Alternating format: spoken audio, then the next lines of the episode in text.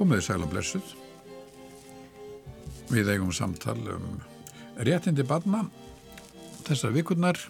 Við sittum hérna við Salfur Nordal, umbóðsmaður barna á Íslandi og uh, fáum til okkar góða gesti og í dag þá er sest hjá okkur Sigrún Júliusdóttir. Vertu velkomin Sigrún. Takk.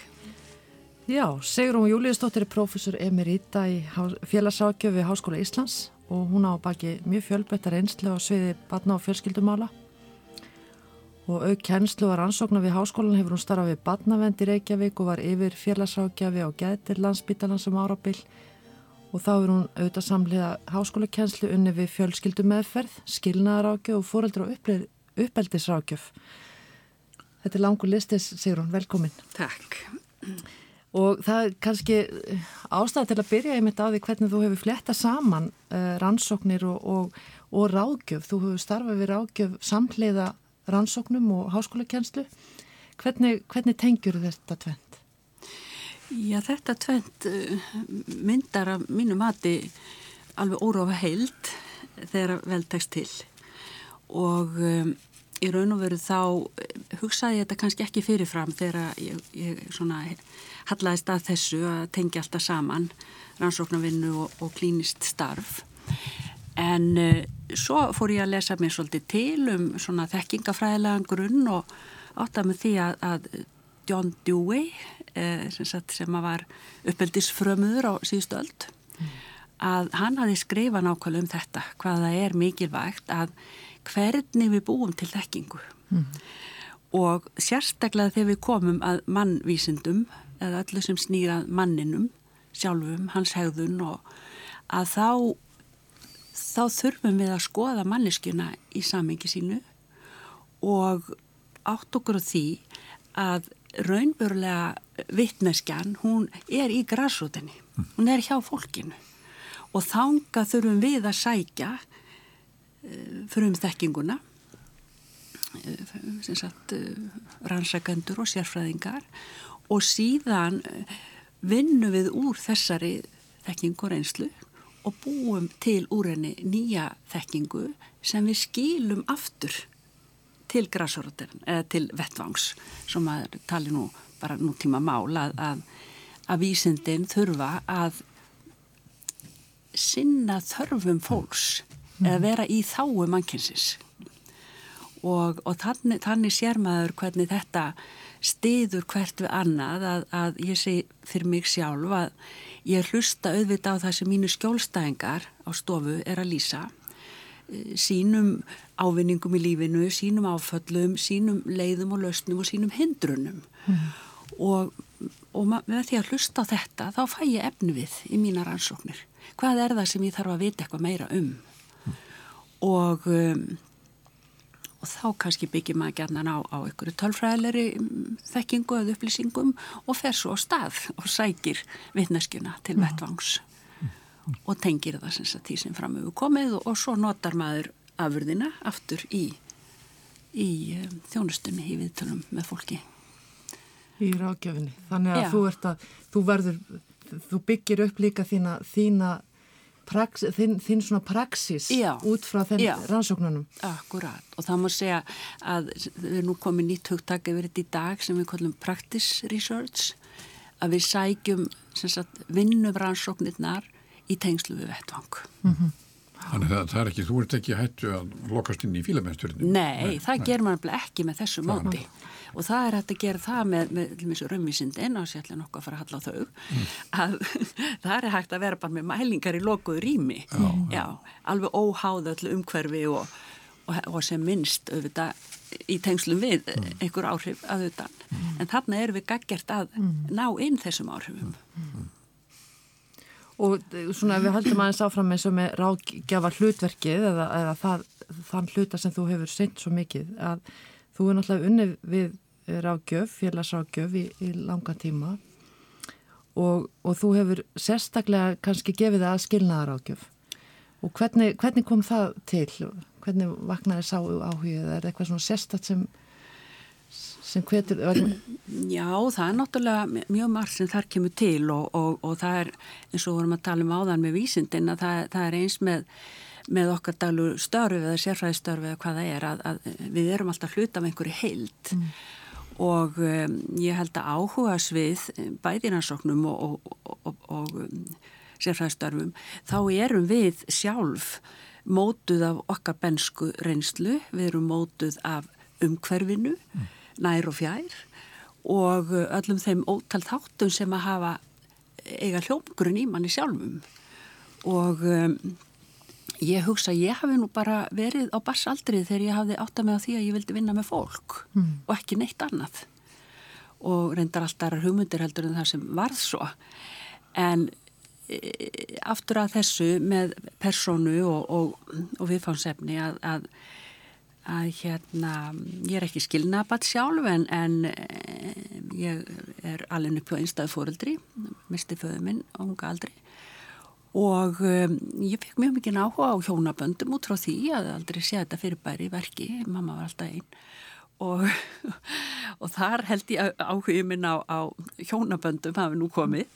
Og reynda til eitthvað ég doktorsritgerina mína allt og stuttu hjónabandi fóreldra minna. Mm. að ég lifði mikið auðvitað í áhrifum þess sem að hafi tapast. Mm. en það lifði samt áfram Nú svo þegar ég er á fullorðin þá þarf ég að reyna skilnað mm. sjálf og, um, og bæði ég og maður minn við áttum börn áður, börn börn áður og um, þá leiðina fór ég að fá enþá meira áhuga á skilnaðarmálum og hvernig þyrti að vernda börn í þeim mm. aðstæðum. Mm. Þannig held ég að áhugin hafi nú komið til. Já, mm.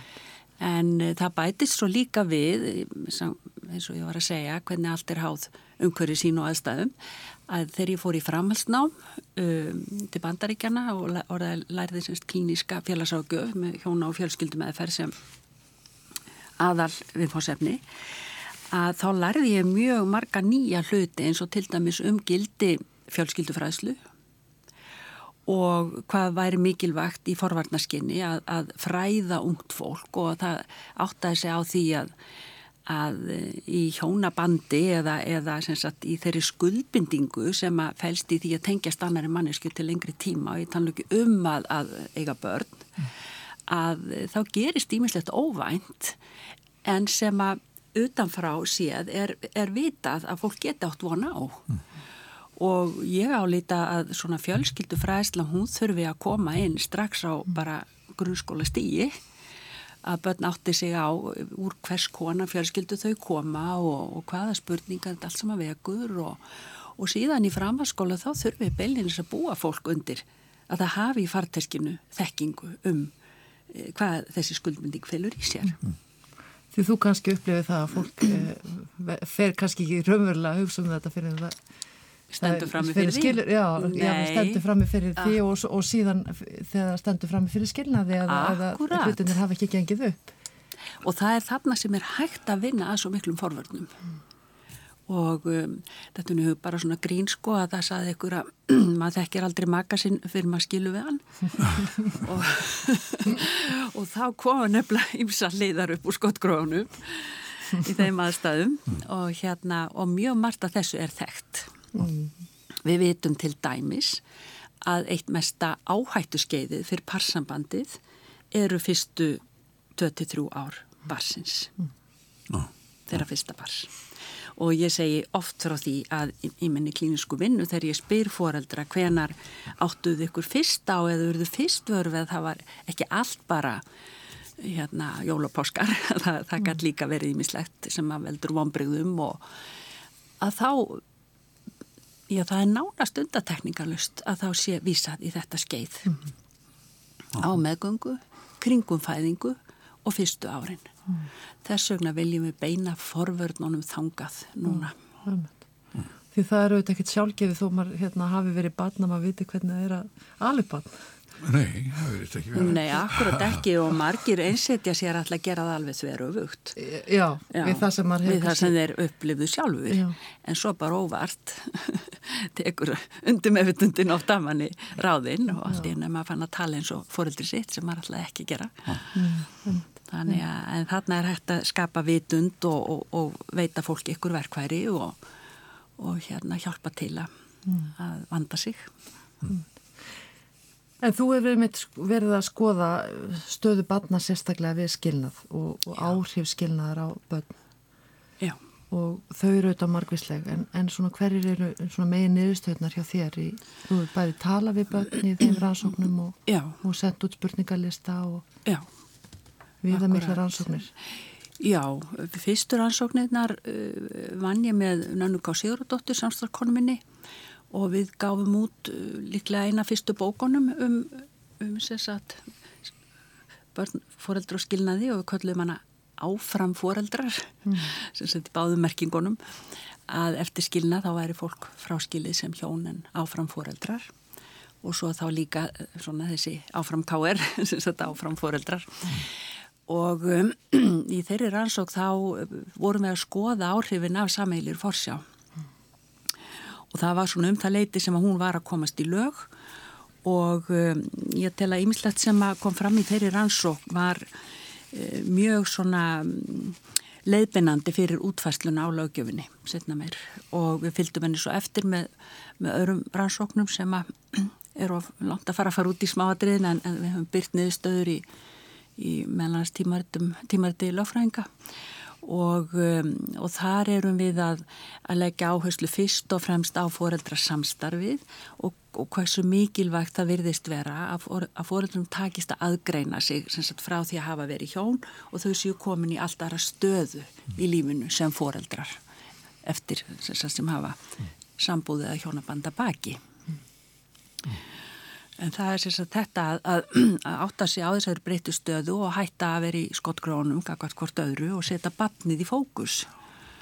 Og, um, og einst á hvernig er komið fram við börn í kringum skilnaðin að þau þurfa að fá sínar upplýsingar. Þau eru líka í gegnum skilnað. Já. Þau eru líka í áfalli. Mm. Og börn hafa verið ósýnileg mm. alveg bara þanga til fyrir nokkrum árantögun síðan. Já. Er, nú er því haldið fram að skilnaðar tíðnin farið mjög vaksandi og þetta sé algengara nú á dögum en var fyrir nokkrum áratögum að fólk skilji. En þýðir það, hefur það haft í fölmið sér að, að menn kunni betur að skilja en var? Þar sé þetta sé orðið viðtekið einhverju leiti sem fyrirbæri í, mannlegu, svona, mannlegu félagi. Já, það er alveg hár rétt og það, þetta er engan veginn sama hvað maður segja, tráma eða semst áfall út á við. Mm. Það er alltaf sama áfallið inn á við fyrir fólk að skilja.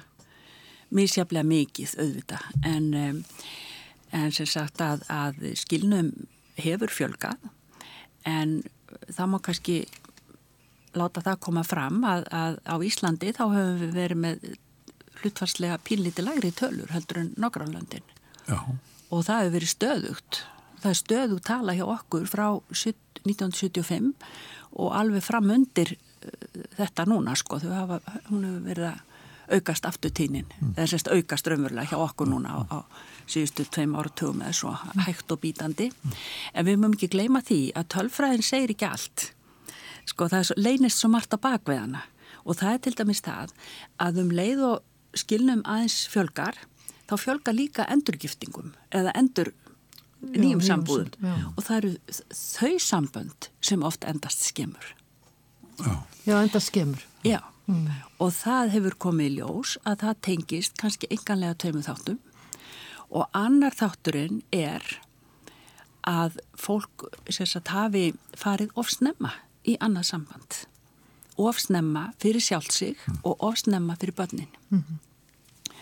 Og hinn þátturinn, hann snýr sagt, þá að börnunum meira að ef að tvær parta fjölskyldur alltaf slá sér saman í eina nýja og það fylgja með börn og báðum að þá krefst þetta svo mikillar aðlugunar og svo mikils sveianleika og sum börn finna sér bara alls ekki í því og geta ekki hugsa sér aðlægast í og hérna Og þá getur það, sem ég saði á þann, tengst þess að þau hefur ekki fengið einhvern veginn nægan tíma til þess að vinna úr skilnaði fóröldra sinna því áfalli fyrir sig mm. og að fóröldrarnir þessir hafa farið ofsnemma af stað með nýjan aðila. Mm. Og um, þess vegna sjáum við núna uh, svolítið áhugavert fyrirbæri og það er að fólk eftir kannski cirka 50 eða svona eftir meðan aldur, þegar það fer aftur í sambúð, mm þá er það ekkit endilega að steipa saman. Það er ekkit að ruggla sama reytum sínum endilega. Nei, Nei, það ræktar bara sitt parsamband og heldur áfram sitt, sínu heimili með kannski táningum og... og Er ekki að leggja þá börnum. endilega á börnin Ekkert að... að leggja þetta á börnin, að vera að flytjast á milli og, og, og búa með einhverju fólki sem þau hafa í raun og veru kannski ekki fengið tækifæri eða tíma til aðlagast, eignast hálfsískinni, stjúpsískinni sem allt í einu breyta þeirra eigin stöð í fjölskyldunum, þau voru kannski alltaf yngst og best, þá eru þau allt í einu orðin miðbann já. og það er bara ekki börn sem að þóla þetta. Þetta hefur gefist, þetta hefur gefist vel. Þetta hefur nefnilega verist að hafa gefist vel þessi svo kallega sérbúð að búa á sitt hver heimilinu og vera kannski saman já, til dæmis þegar bönnin eru hjá hinu fóreldrinu og þar kemur nú einn af kostunum við þetta viku fyrir komulag þó að séu margir eh, vankantar á því líka. En þ- til dæmis þá í þínum rannsóknum þá hafur þá, þá væntalega komið fram að börnin eh, kvarta undan þessu. Já, að, að, já, að já. þau hafi kannski verið þinguð inn í nýja fjölskyldugerð sem þau voru ekki tilbúin í. Já, Og, og, þú væntalega kannski líka farið bara börn til þín í ráðgjöf sem eru, sem eru í þessari stöðu. já, eða reyndar aðalega sko starpuð eða uppkomin. Uppkom, já, Já, sem eru svona farin að hafa skoðanir á þessu meira, ekki bara tilfinninguna, heldur líka skoðanir. En uh, já, ég vann rannsókn með annari samstagskonu minni, Sólvögu Siguradóttur, þar sem við töluðum við uppkomin skilnaðbörn og spurðum út í meðal annars þetta og það var, það var tvent sem að þeim fannst erfiðast af öllu, jáfnvel erfiðar en sjálfu skilnaðurinn. Og þa- það var þetta að að þurfa að kynnast einhverjum óvikomandi aðila fyrir þau og snemma. Og svo var það það að, að, að á unglings árum að þurfa að vera að fara á milli heimila. Að vera í ferðartöskum og fara úr sínu skóla um hverfi kannski hvort það væri vilja unga helgi eða jáfnvel annur hver vika. Þannig að þau voru með beinar tillögur um það að ef þetta vera breytingar að þá væri mikilvægt að, að hérna að börn geti átt kost á því að vera tvær eða þrjár vikur og jáfnvel heilt misseri hjá sama fóreldri ekki að vera fara svona á milli.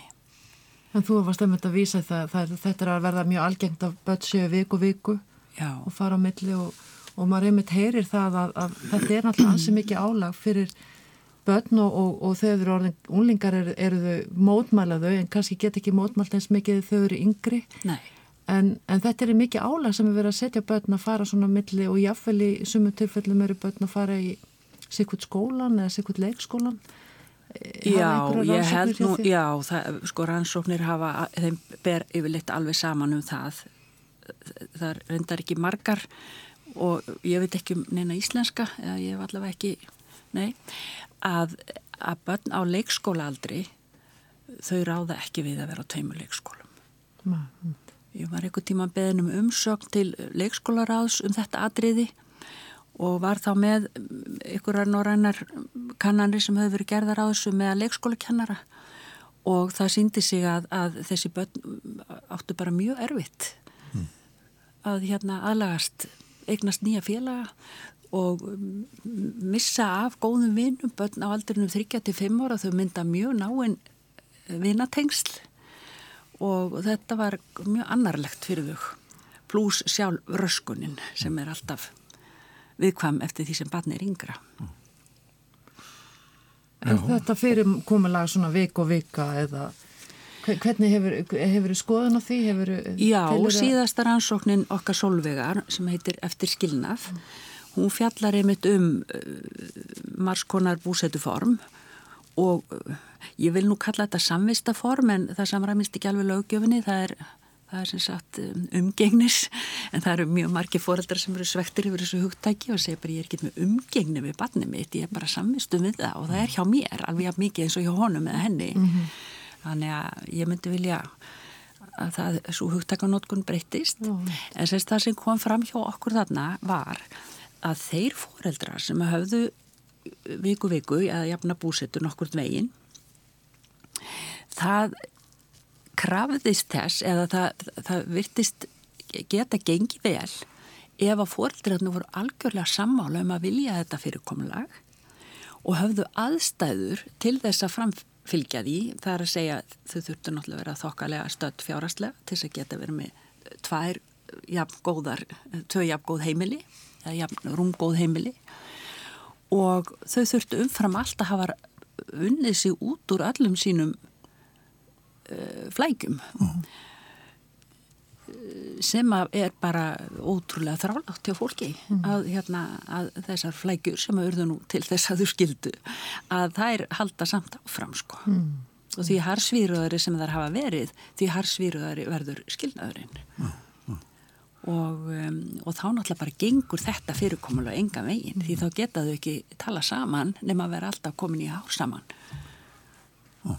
og það er ekki En maður er mitt líka heyrir svona dæmu um það að börn hafi kannski fá ekki að fara ekki afir frá öru fóröldurinn og milli feimila og, já, já. og all, all, alls konar svona reglu sem börnum er sett en það er náttúrulega kannski samrýmist ekki þessu hug, þessari hugmyndum sammeila forsjá og, Nei, og, og jafna búsetu. Nei, það gerir það nefnilega ekki. Þau þurfa einhvern veginn að fá leifi til að hafa þetta tiltöla frjálust með stöðningu og samþykji fóreldrarna. Mm. En að þeir séu ekki öfundast út í hvern annan eða, eða hérna bítast um hlutina eða hvernig sem það nú er. En kostinni við, við jöfnu búsettuna eru tvímalalust þeir að, að þessir fóreldra sem hafa virkilega viljað þetta og, og eru þá að hugsa um annars vegar að það sé réttlátt þú segja það. Það skiptir málega þetta sér réttlátt. Þannig erum við mjög umfásmikla danskaransóknir sem að stiðja, eh, sína þetta sama. Já, það er bara réttlátt, segðu, og bara, ég hef ekkit frekar að hafa eh, bönnin bæði en, en hún eða hann og bara, bara gera þetta réttlátt. Og réttlæti þarna eru jamt. Já, já. akkurat, réttlæti er jamt, jamt skipt. Hérna, Þannig skilningurn og réttlæti. Já, og, og börnir sagðu þetta hann í rannsóknar sem ég var að segja ykkur frá það, þau sagðu það líka, við vissum að pappa og mamma vildi hafa þetta bara jamt það væri réttlátast. En svo er annar þáttur sem að spila hérna mjög mikið inn hjá fóreldurum og það er það að hafa eina ballausa viku. Hmm.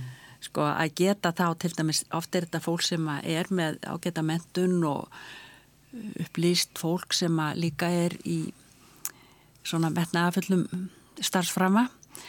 Og þá er bara sagt, áherslan á vinnuna miklu minni þá viku sem að börnin eru hjá þeim og þá er hérna, ekki verið að taka auka vinnu og bara einbetta sér að því að njóta samvistana við börnin.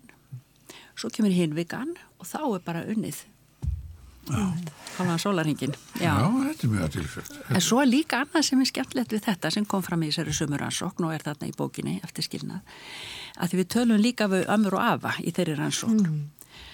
og þá segja þau já þetta gengur nú allt vel hjá þeim með þetta, hafa þetta svona jamt. Okkur finnst það nú bara alveg stórmerkilegt. Mm. en það verður náttúrulega bara að segja eins og við fáum ekki að hafa börnin eins mikið. Því að sko viðkomandi dóttir eða viðkomandi sonur vil njóta samvistana við batni þessa viku. Þessa já. já. Og þá er ekki tími til að vera að fara mikið til af og ömmu eða í fjölskyldubóð eða þannig að það kemur svona ákveðin eigin upp mm. í þessu. Og þau voru svolítið sár og leið með þetta. Já, það stundið.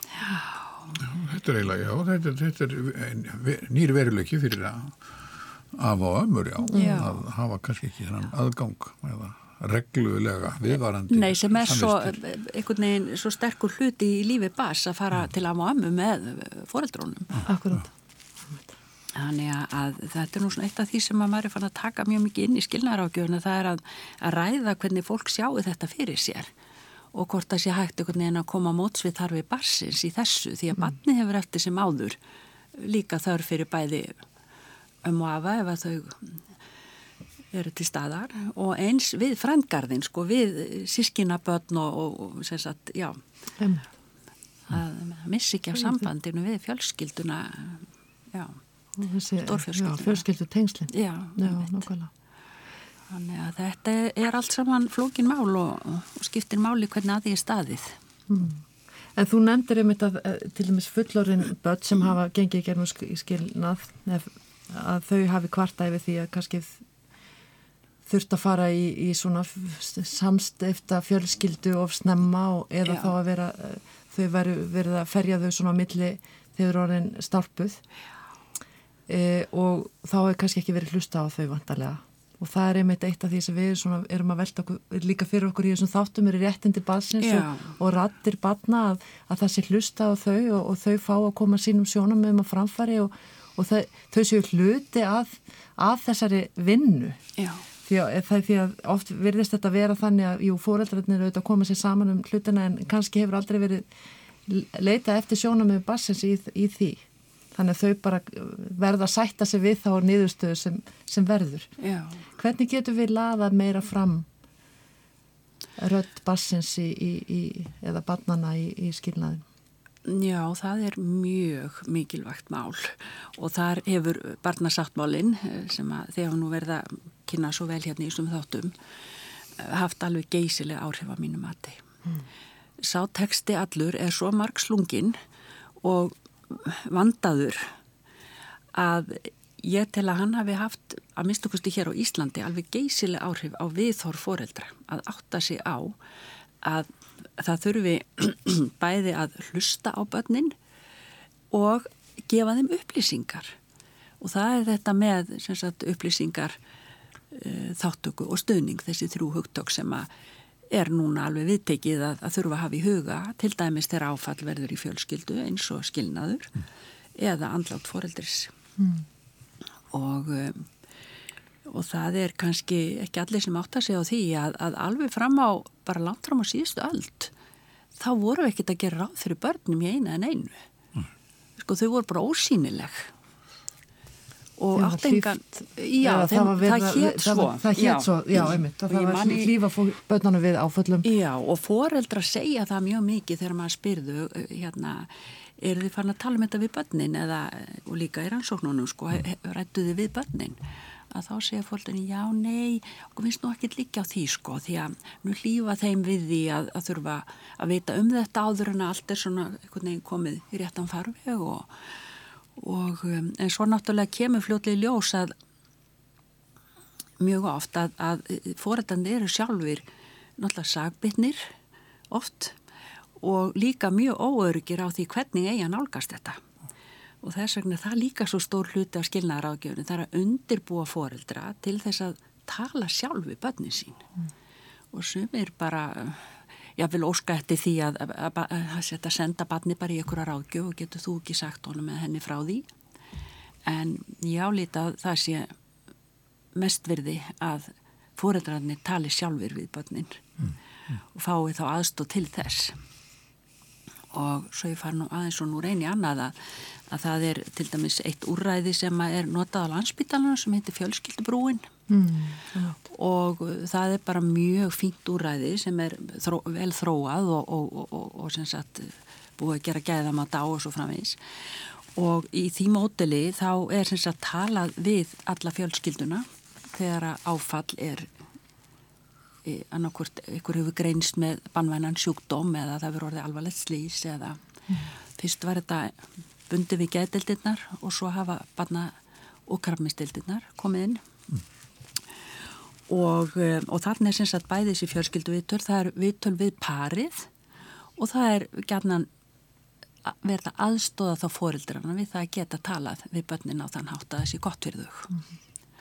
og svo er þá líka möguleiki jafnvel fyrir ömur og afa að koma þar inn annars er ekki almennt gert mikið ráð fyrir þeim mm. Þannig að sama raunverulega mótili kannski að, eða gæti gagnast í við skilnað Absolutt mm. að já. tala við já. og ekki bara þá við fóreldra börn heldur jáfnvel við af og ömur og Já, já Þetta er auðvitað stór mál í fjölskyldu þetta er, var þar ekki bara Nei, það er, það, það er að þú spurði, spurði mig hann í upphafi sko hver var svona held að niðurstaðan til dæmis úr þessu stóra eh, þryggjára verkefni eða fjögur ára verkefni reyndar? Að hérna að þá er það meðal annars þetta að sko starfsfólkið vegra sér við að það sér börnin kannski sitja á ganginu um að býða þetta að fara inn í sjúkrastofuna. Og það er gífulegt álag og það er engin tími. og svo finn fá kannski tári í augun en, en sko veit ekki alveg hvernig þau eiga að fara að því að nálga spanni og flýta sér bara fram hjá og um, þannig að ein af afurðunum hjá okkur í því rannsóknarverkefni var að útbúa svona þýðing á, á svona leiðbenningum til starfsfólks í helbriðstjónustu hvernig þú tala við börn. Mm -hmm. og um, það er bara svona einfaldi hlutir eins og horfið í augun á barninu og sestu á sama level og barnið og um, ávarpaði það með nafni og þú veist þannig að barnið verði sínilegt mm. þetta eru mjög fín tíu tilmælir kollum við þetta á íslenskunni og þessu plakati sem er núna uppi á landsbytalanum allstaðar mm. og það er til að svona liður í því að gera barnið sínileg mm. og þóra nálgastag en um, ég held náttúrulega því við erum aðeins að tala líka út frá sögunni að, að, að bara þarna fyrir miðja síðustu öll þá þá er eiginlega bara litið á börn sem litla fullordna sko, þau er ekkit það getur verið að líta á þau sem sagt út frá sínum þörfum og sínum forsendum og sínum auðvitað rétti, sjálfstæðarétti En þurfti kannski að, að, að stopna sko fóreldra skóla Já, sem, já, já, við höfum nú stundu grínast með það, fagfólki, að það sýt aldrei einkennlegt að það þurfa að loki námskeiðum í, ef maður ætlar að fá hund, mm. til þess að geta alveg hann upp og haft hann. Mm. En það hefur einhvern dótt í að gera það skildu fyrir verðandi foreldra. Mm. ég veit, já, já, fólk les marga bækur þegar það fær sér hund. Jú. Já, ég segi það og þetta er bara, sko, þetta er meir og minna Ég segi það ekki að það er ímislegt auðvitað í maðuravendinni og, og, það er verið að svona vika út undirbúningin fyrir fæðingu fyrsta bars. Að bæði að taka inn eitthvað annað heldur um bara brjóstakjöfina og hvernig að uh, sinna hreinleiti barsins og svo framvegis. Er farið að koma aðeins meira þetta að, að huga að parsambandinu og huga að hvernig lesmaður í þarfir unga bars? Já og uh, hvernig á að skilja barnið út frá því þroskastíi sem það er á? Og þá er það líka með það í huga hvaða vendingar og kröfur með gera til barsins mm. og þetta hefur náttúrulega skipt geysila miklu máli í, í, í skilnaðamálunum þar sem að uh, kom nú upp uh, á tímabili svo hugmynd að, að það ætti að upplýsa börnum alla hluti í kringum þetta og þau átt að segja sína skoðun og vil mæta fyrir rétti og segja sína tjá sig. Mm og um, ég hef nú haft vissar efasemtir um þetta og, og, og finnst að börn eigi í raunveru annars vegar eigi þau ekki að þurfa að taka allt og axla allt og mikla ábyrð og að þau þurfi líka vernd og þau þurfi stundum talsmann til þess að, að koma þeirra sjónamiðum á framfæri mm. því að þau geta lendi svo erfiðri klemmu gagvart foreldrunum. Já.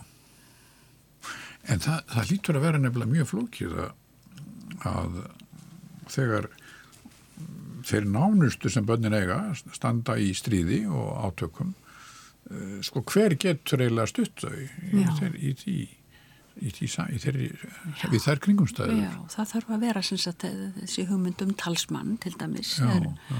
og þessar miklu breytingar sem er á með fyrskilnamála núna bæði sérstaklega í Danmörku þessar nýjustu að það er beilinni skert ráð fyrir því að barni sé útluta talsmanni. Mm, um leið og bara sko fóreldrar er ekki í þessum 80-85% sem að ráða vel við þetta sjálf.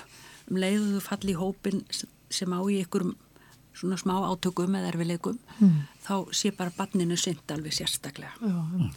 og að það sé ekki innan dómskerfisins það sé innan félagstjónustu félagstjónustu, já, nákvæmlega samstarfi heilbyrðis og félagstjónustu og um, og hérna já, og barnið, já, það sé ekki lagt á lítið barna þurfa að fara mæta í ykkur viðtöl og ah. kom, þurfa að svara samvisku spurningum og þetta er svo síðferðislega ránt að leggja þetta á börn, þau mm. hafa ekki þroska til að segja bara eila það sem er ætlast til þess að segja Nei, en á sama tíma er náttúrulega mjög mikilvægt að, að börn hafi möguleika um að koma síðan sjónum um að alveg tvímar að veist þannig að það þarf að finna mitt þennan svona balans á milli og, og, og eins og segir ég ætla að sé með einmitt félagstjónustun og, og það eru auðvitað að verða svona aðeins þverrfaglegri nálgun, nálgun í, á Já. þessu sviði Já. og náttúrulega lögfræðingar, félagsrákjafar uppbyldisfræðingar, fjölskyldufræðingar allir þessir hópar þeir koma hver með sína, sína þekkingabita inn í þetta mm. og, og flestir þessar að hópa vinna út frá því heilbriða. Ég finnst ekki verið að leita einhverjum uh, greiningum á einhverjum vandamálum eða eitthvað heldur einmitt að styðja barnið út frá sínum styrklegum. Mm. en, en er, höfum við verið aldrei först í þegar kemur að fræðslu og, og ráðgjöf að, að, að, að það þurfið fyrst og næst að hugsa um heilbriðismálin eða þetta sko, þú nefndir áðan mæðra fræðslu eða slíkt þar sem er áhersla kannski lagað á það hvernig þú átt að sinna líkamlegum þörfum bars þörfum, já. Eh, vandar vandar meira inn á þetta á, hvað þú segja, þið sálræna eða? Já, og tilfinningarlega, sko, tilfinningarlega. sko, þarfirnar, forsendurnar og tilf, sérst, hverjar eru tilfinningar viðkomandi bars? Mm. en þess að þær eru mjög ólíkar. Börn hafa svo hérna, finna til á svo ólíkan hátt og, og bara unga barnið er, er, tjáir sig á gjör ólíkan hátt eftir því hver einstaklingurinn er. Mm. og að foreldrar fái þjálfun í að lesa í þetta. Menna, maður hefur náttúrulega stundum hitt foreldra sem að líta á grátt tveggjára bars sem óþægt mm, þetta er náttúrulega ekkit nema þekkingaskortur mm. og að bara segja nei þá sé það bara uppreist með foreldrið og þetta er svona ímiskonar svona af einhverjum ástæðum sem að fólk bara hefur ekki fengið skólun í mm. Já, hvar hefur þetta fór skólun? Já, annarkort náttúrulega í gegnum gott uppbyldi sjálf. Sjálf, já, já. En líka þetta að, að það, það þarf að vera þessi fræðsla eins og ég var að segja á það. Sko, það þarf að byrja einhvern veginn þessi vitund já, um að það er ekki minna mála eignar spannin hund. Mm, en hérna, mér langar nú að kannski að þú, þú nefndir á þann fjölskyldubrúna og þá þegar börn... Eh, eða þegar fjölskylda stendur fram fyrir áfalli annars konar heldur en, heldur en skilnaði sem við erum búin að vera að ræða núna. En, og, og það er einmitt málefni sem þú hefur látið mikið varða og þú sagði nú hér í upphafi mitt að þú varst fyrir þeirri reynslu þú varst batna að missa föður og, og þú er einmitt verið að, að vinna rannsóknir sem tengja spötnum sem hafa mist fóreldri Hvernig, segðu okkur aðeins frá þeim, þeim rannsóknum? Já, það, það er kannski aðalega semst, þetta stóra verkefni sem við tæftum á hérna í upphafi. Þetta er fjóra ára rannsóknarprojekt eða verkefni þar sem við, sem sagt, ég og mitt samstagsfólk, ég var alltaf ekki eina þessu, að við rættum sem sagt við starfsfólk, helbjörnstjónustunnar, landsbytalanum og fengum fram þeirra sjónamið mm og um það hvar þeim finnst skóringreppa í þjónustunni og tímanum og, og færninni og allt þetta.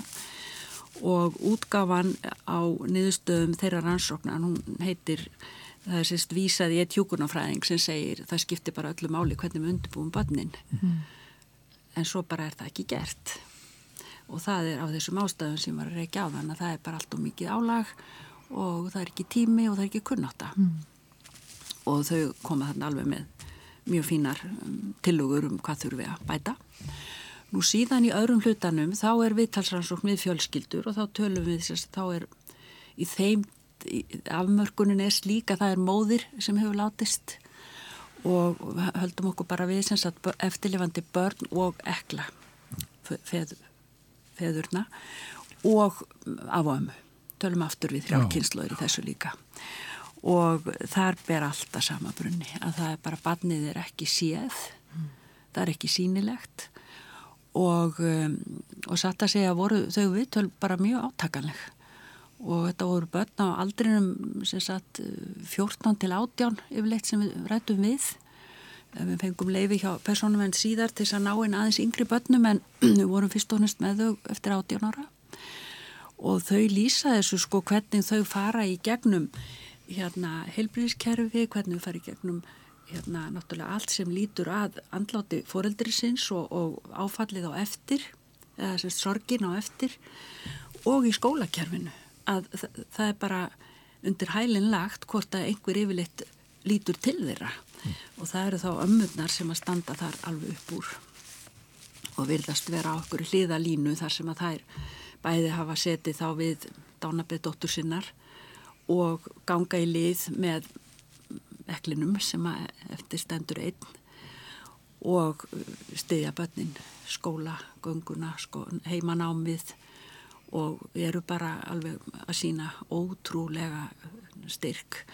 Og það er tala mikið um það þessar ömmur að, að, að þeim finnist að sko þær eru einhvern veginn ekki að gera kröfur þær, þær sko segja bara auðvitað vildi maður að fá meira upplýsingar auðvitað vildi maður að vera og mér finnst að börnin eigi að fá líka meira og lýsa þessu en einhvern veginn sætta sig við þessa þessa svona hliðar að vera á þessari hliðalínu mm.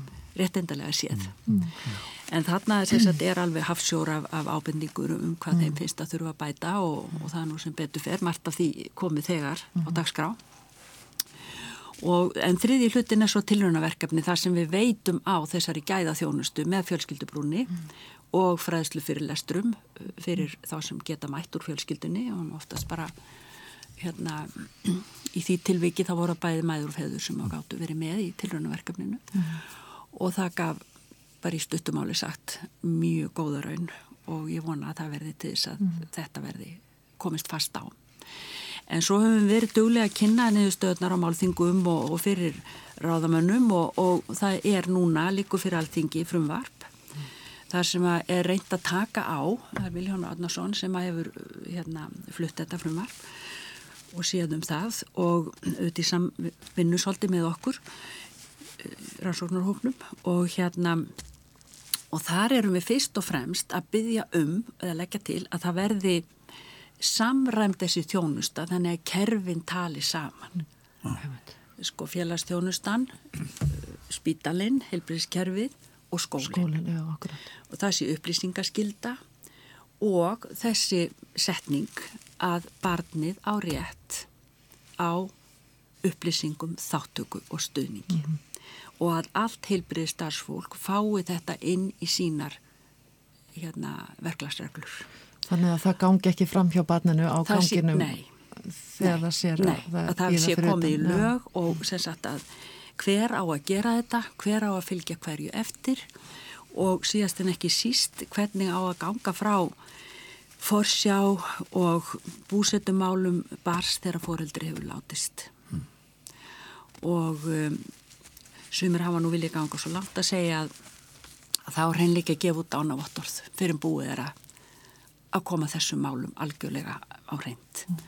og að minnstakosti þá að tryggja fjölskyldunni aðstóð til þess að, mm. að hérna, leysa á góðan hátt úr þessum málum mm. og þá alltaf með tilliti til emitt réttar og velferðabarsins sem ég hluta á. Mér þetta aðtilsvert sem þú nefndir áðan, Sigrún, uh, þetta, þessa nýju stöðu sem byrtist í því meðal annars að, að foreldrarnir sem er að um, berjast harta á, á vettvangi starfsframans, að Já. þeir kannski eru fegnir að vera að lausa við börnin uh, annars lægið. Sko, er, í okkar menningu er er þarna vandi sem við getum ekki list með stopnunum, þar að segja nú, eins og þú nefndi núna það er ímiskerfi sem þurft að tala saman. En, en er fjölskyldan í einhverri þeirri stöðu að, að vera bara of þrælkuð og tímalauðs og of ítla upplýst um, bara ekki nógu, nógu góðir borgarar og vel stattir til þess að sinna börnum sínum almenlega. Já, ég held að það sé alveg hárétt hjá þér og um, við erum að sjá tölur til dæmis núna uh, frá um, aturumálastofnun og virk og, og, þessum stofnunu sem er að taka við fólki sem hefur dott út af vinnumarkaði Já. og það er bara fólk sem hefur sprengt sig mm. og það eru hverna stjettinnar eins og hjókunarfræðingar og kennarar og fleiri slíka stjættir sem að vinna undir mjög miklu álægi dagstaglega í sínum störfum hafa jafnvel ekki nægilega góð laun til þess að geta takmarka þá framlag vinnu mm. og, um, og við höfum heldur ekki gætt nægilega því eins og til dæmis bæði svíjar og normi gera að, að, að, börn, að hérna fóreldra með ung börn eigi rétt á að vera í hlutastörfum mm. og hafa þá bætur um leið til þess að geta látið endan á saman Mm. En hins vegar þetta sem þú varst að vísi, að eh, ég saði þarna með karriérfóreldrana, að þetta er náttúrulega bara fólk sem elskar að vinna. Jú. Sko er bara oft í vellaunum stöðum og, og sem sagt er bara helgað í sínu starfi og vill vinna. Mm. En áttar sig kannski einmitt af því það er upplýst á því að, að það getur ekki unni svo leiðis allan ásins ring, það þurfi líka að sinna börnunum. Mm. Og það er, það er dansk rannsók sem sýnir þetta alveg sérstaklega skýrt. En svo náttúrulega líka það, það, í því samingi sem við vorum að tala um rétt áðan um, um þegar uh, börn missa fóreldri að það er líka þessi viðurkenning á bara hvað áfall er í, að svona þetta samfélagslega viðurkenning að, að það þarf mikla úrvinnslu og, og mikil, fólk þarf mikil stuðning bæði eftirlefandi maki og, og, og börnin og kannski er einmitt eins og hefur komið fram uh, ég var á málþengi með það sem hún talaði um dagina sem hefði verið að ræða þetta að uh, makin þurfti stuðning og, og gati ekki stutt börnin. Þannig að þetta er náttúrulega líka þessi sko staða sem er þá komin upp. Akkurat, já. Og það er auðvitað líka eh, svo mismönd eftir hvernig það ber af en það er, eh, og það er mitt komið fram í tölum að hagstofunar að það er auðvitað ansi stór hópu barna sem, sem verður fyrir þessari reynslu já, á hverju ári? Miklu fleiri en við heldum já, það var að skoða þetta betur. Og þar var bísna stór hluti barna sem, sem misti fóreldri skindilega Já. og þá er kannski ekki hægt að undirbúa og þá er alls ekki hægt að undirbúa barnið. Og þá er eftirvinnslan ennþá kannski mikilværi Akkurat, en ég held að hérna sko það er einhvern veginn innbyggt í hugmyndafræði helbriðstjónustunnar að þegar einhver er dáin eða, eða útskrifaður að þá bara eru afskiptin eiginlega mjög takmörkuð eftir það Hins vegar ætti hilsugjæslan þá að taka við mm -hmm. og félagstjónustan og náttúrulega skólina því margi sem hann getur það. Þannig að ég held að það sé nú heilmikið að breytast í þessu, það sé aukinn skilningur á hvaða, hvaða málið þetta skiptir og kirkjan hefur komið mjög mikið aðnin. Prestar hafa komið mjög mikið aðnin og verið með uh, búðir og fræðslu og stuðning til dæmis fyrirbönn sem að missa fóreldri og, um, og viðkomandi prestur sem að hefur fyllt fjölskyldin í gegnum sorgaferlið hann er ekki, ekki endilega bundin af tímaþættinum eða klukkutímunum sem fer í það mm. það er bara uh, já, það er, það er hérna sálgæslan sem þar kemur til skjálana þeir prestar sem hafa bætið sér viðbótar mentun í sálgæslu. Mm. sem ýmsir hafa gert sem bara vaksandi hluti. Já, já, já. Og, að, og hérna uh, hvað heitir það? Hérna djáknandir Já, já, já, já, akkurat, þeir hafa líka kert með fína hluti, margi hverjir. Og maður sér að margt af þessu fólki er að taka fjölskyldu með fyrir að ná til og með spæði í endumendun og í tengslu með háskólan mm. og þannig að svona kannski rennapildi út þessi faglugu mörg mm. um hver er hvað. Mm. og þetta eru náttúrulega stjættir líka sem eru mjög kannski þjálfaði með því að líka að, að byggja brýr byggja brýr, að, að tengja á milli. já, akkurat. já. Og hafa þennan skilning á þessu hugtæki continuing bonds eða sem sagt að, að tengsni lifa áfram þó einhver dái mm. degi, mm. Það, það lifir í barninu, það lifir í eftirlifandi maka, það lifir í allir fjölskyldunni mm. og fólk er mísjaflega í stakk búið til þess að, að einhvern veginn að gangast við þessum hérna, mikilvægu tengslum mm. áfram og látaðu leifa þeim að leifa. Mm. Já, þannig kannski er einmitt hlutverk eins og fyrir kirkjuna að, að, að, að sjá til þess að tengsl séu viðvarandi eða haldi áfram. Og þarna eru náttúrulega sjúkarásprestanir mjög mikilvægur yngangur að gengja að þeim. Það er skipt miklu máli. Þannig að það er greinlegt að, að það, er, það þarf að kalla ímsa til Já. til að, að tryggja tryggja velferði barna. Akkurat, það er það sem þetta snýstum og vitundin sko, bara já. að já, átta sig á hvað af hverju þetta er svona mikilvægt. Já. Og ég man ekki hvort þú voru maður búin að nefna það en sko það hafa verið að koma rannsóknir núna bara síðustu fimm árin sem sína þessa, þessi beinu þessi, þessi beinu tengingu á milli áfalla í bernsku Já, og, og, og heilsu, andlerar, líkamlerar, félagslerar já, heilsu, síðar á, á lífsleiðinni já, að fólk er að þróa bara mjög óskiljanlega sjúkdóma mm. líkamlega mm. og rekjast út af vinnumarkað og allt þetta mm. sem má í raun og veru kannski rekja þarna til uh, áfall sem ekki hefur verið meðhandlað eða sem ekki hefur fengið úr vinslu og að komast út úr. Akkurat. Já, hér verðum við vist að setja punktinn þó að hér væri nú ennú komið umræðefni sem virkilega þyrti nú að taka til aðgátt skal höfð. Sigrun Júliusdóttir, bestu þakki fyrir að setja hérna með okkur. Já. Salður Nordal í dag. Kæra Takk þakkir. sem leiðis.